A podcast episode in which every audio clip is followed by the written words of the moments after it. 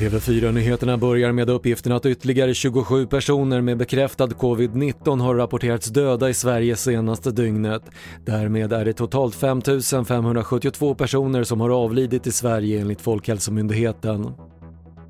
En man i 40-årsåldern är försvunnen utanför Boden. Han anmäldes saknad av anhöriga i måndags och polisen som rubricerar händelsen som misstänkt människorov kommer efter en platsundersökning fatta beslut om inriktningen för det fortsatta sökandet.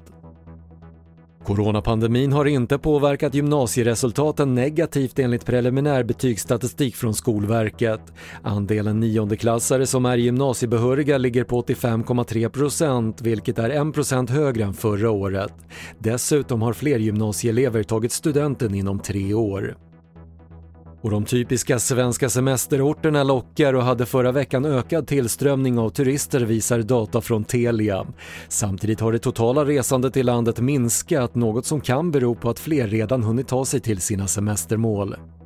Det var det senaste från TV4 Nyheterna. Jag heter Patrik Lindström.